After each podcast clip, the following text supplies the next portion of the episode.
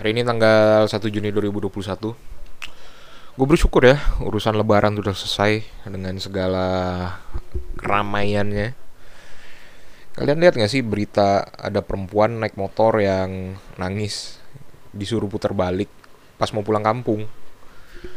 Itu perempuan nangis kayak baru dapat berita bapak itu meninggal loh. Ya lu bayangin aja gitu Dia nggak punya surat bebas covid Terus maksain pulang kampung di tanggal yang ada penyekatan. Jadi harusnya tuh dia udah expect gitu bakal disuruh putar balik sama polisi. Um, alasan dia pulang kampung sih katanya kena PHK jadi di Jakarta dia nggak mampu memenuhi kebutuhan sehari-hari gitu. gue ngebayangin dia nelfon ibunya di kampung. Ibu aku pulang ya. Aku dipecat dari kerjaan. Hari ini aja belum makan karena nggak punya uang. Terus ibunya jawab oh ya udah pulang aja nak. Kebetulan kita di sini udah dua hari belum makan. Kalau ibunya bilang gitu tuh dia bakal pulang nggak ya? Penasaran tuh gue karena itu bakal jadi ajang nggak makan bersama gitu. Anak tidak makan ibu tidak makan semua tidak makan. Uh, terus pas banget juga sih ya dia di PHK-nya itu menjelang lebaran gitu. Ya apa benar di PHK atau acting di PHK ya kita nggak pernah tahu sih ya kalau kita berpikir berpikir positif ya mungkin dia emang jujur gitu. Um, hari ini gue mau bahas beberapa saat lalu gue sempat diskusi dengan teman-teman gue gitu. Topiknya itu adalah pensiun.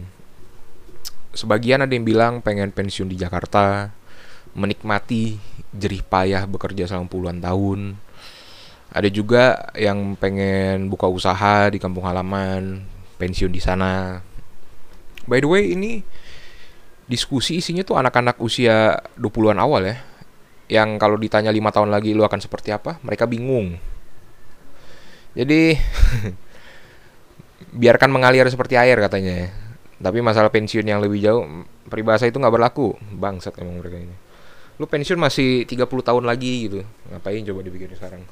Nyokap gue aja yang udah hampir 60 gitu nggak nggak gitu mikirin masalah pensiun buat dia yang penting jangan di panti jompo aja. Ya jokes aside ya. Gue sebagai seorang pemuda yang berusia 20-an juga pernah gitu membayangkan pensiun dan menikmati hari tua nanti. Gue pengen di kampung halaman. Tapi buat lu yang tinggal di ibu kota dan pernah pulang ke kampung, lu pasti sadar gitu. Ada belang budaya gitu yang lu perlu adaptasi. Karena udah lama nggak pulang bertahun-tahun ya kampung lu itu juga berkembang gitu. Kayak gue pernah ya datang ke sebuah desa gitu untuk pertama kalinya. Gue nyampe di jalanan itu gue lihat ada bocah-bocah SD main bola nggak pakai celana gitu di siang bolong. Dia nggak pakai celana tapi dia pakai baju. Dulu waktu gue kecil ya yang wajar itu nggak pakai baju tapi pakai celana. Karena mending masuk angin kan daripada malu gitu ini bocah dia pakai baju tapi nggak pakai celana. Terus uh, pas gue perhatiin ada satu bapak-bapak kan nanya ke bocah itu dek dek belum disunat tititnya? Mm, ya elah pak maksud gue lu nggak punya pertanyaan yang lebih penting gitu. Pertanyaan kayak kenapa nggak pakai celana dek? Atau misalnya kenapa nggak sekalian lepas baju biar bulat panjangnya gitu terus yang menakjubkan lagi tuh nggak ada orang tuanya gitu yang bilang kayak nah pakai pakai dulu celananya malu nanti sama tetangga gitu. Nggak ada cuy. Malu itu murah sekali harga di sini kayaknya. Uh, terus berjalan habis itu gue uh, gue sempat ngobrol juga dengan salah satu pemuda di desa itu. Usianya mungkin belum 20 tahun tapi secara badan lebih tinggi dari gue mungkin gue ngobrol-ngobrol-ngobrol. Di tengah obrolan gue liat tatapannya agak kosong. Nih ini anak kenapa nih? Dan ternyata setelah ngobrol cerita gitu bahwa oh dia itu baru ulang tahun. Ya udah gue ucapin hey selamat ulang tahun ya. Dia jawab nggak perlu bang. Kenapa? Orang Islam tidak merayakan ulang tahun. Hanya orang Kristen yang merayakan. Wow wow wow wow, wow. set santai boy santai gue yang lama hidup di ibu kota ya shock anjir dengar kalimat itu. Orang Islam tidak merayakan ulang tahun hanya orang Kristen yang merayakan. Anjay. Gila loh. Lu coba ngomong itu ya di ibu kota gitu abis lu.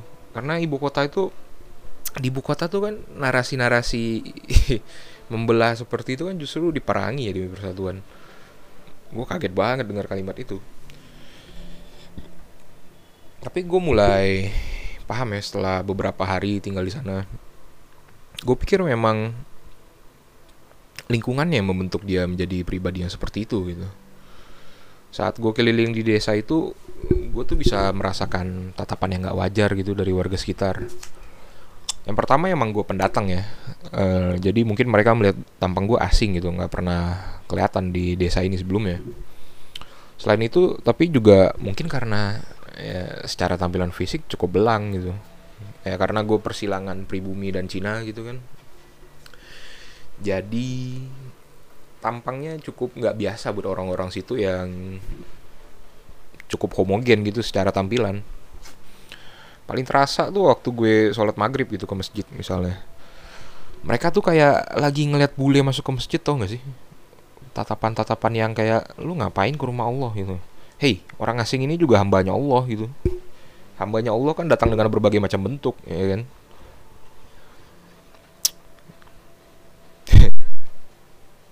Tapi ternyata ya si pemuda tadi itu uh, kisah hidupnya cukup memilukan lah. Dia itu ternyata dari kecil orang tuanya nggak akur. Habis itu uh, dia pernah ikut dengan omnya yang cukup ekstrim dalam beragama jadi doktrin-doktrin keras seperti musik haram atau ulang tahun eh, nggak uh, boleh dirayakan itu tuh udah masuk ke kepala dia dari kecil gitu. Jadi mungkin dia salah satu contoh ekstrim lah dari uh, kasus ini gitu.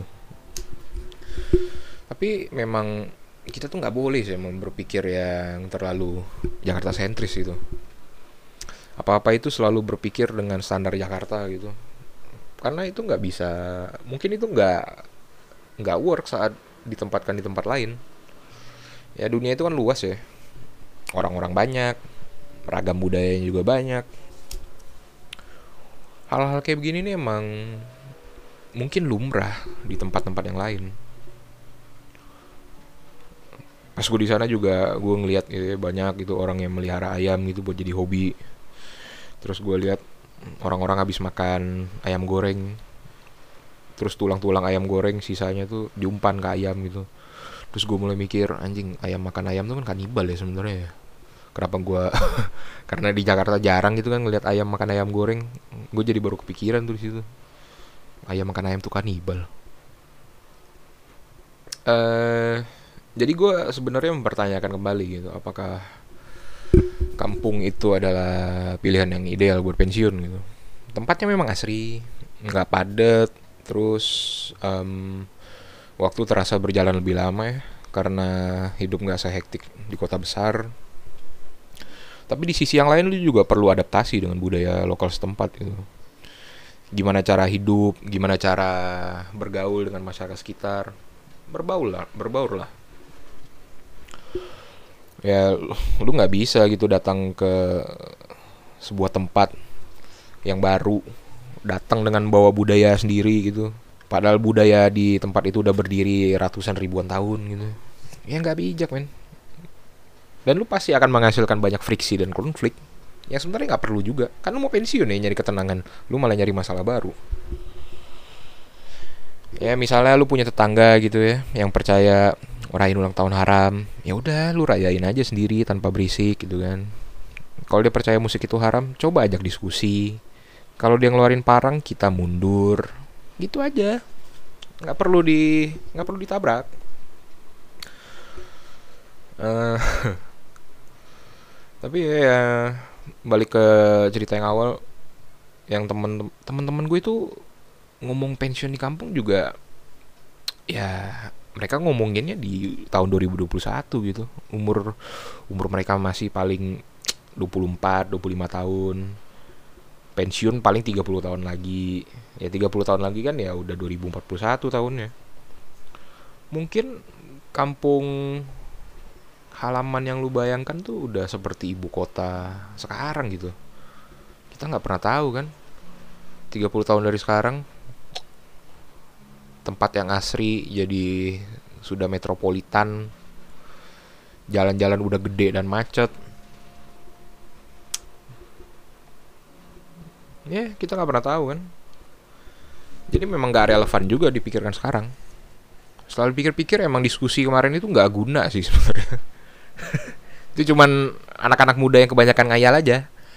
Ya kan kerja belum sukses jadi manusia belum paripurna gitu tapi udah mikirin mau pensiun gitu. Ah bangsat emang.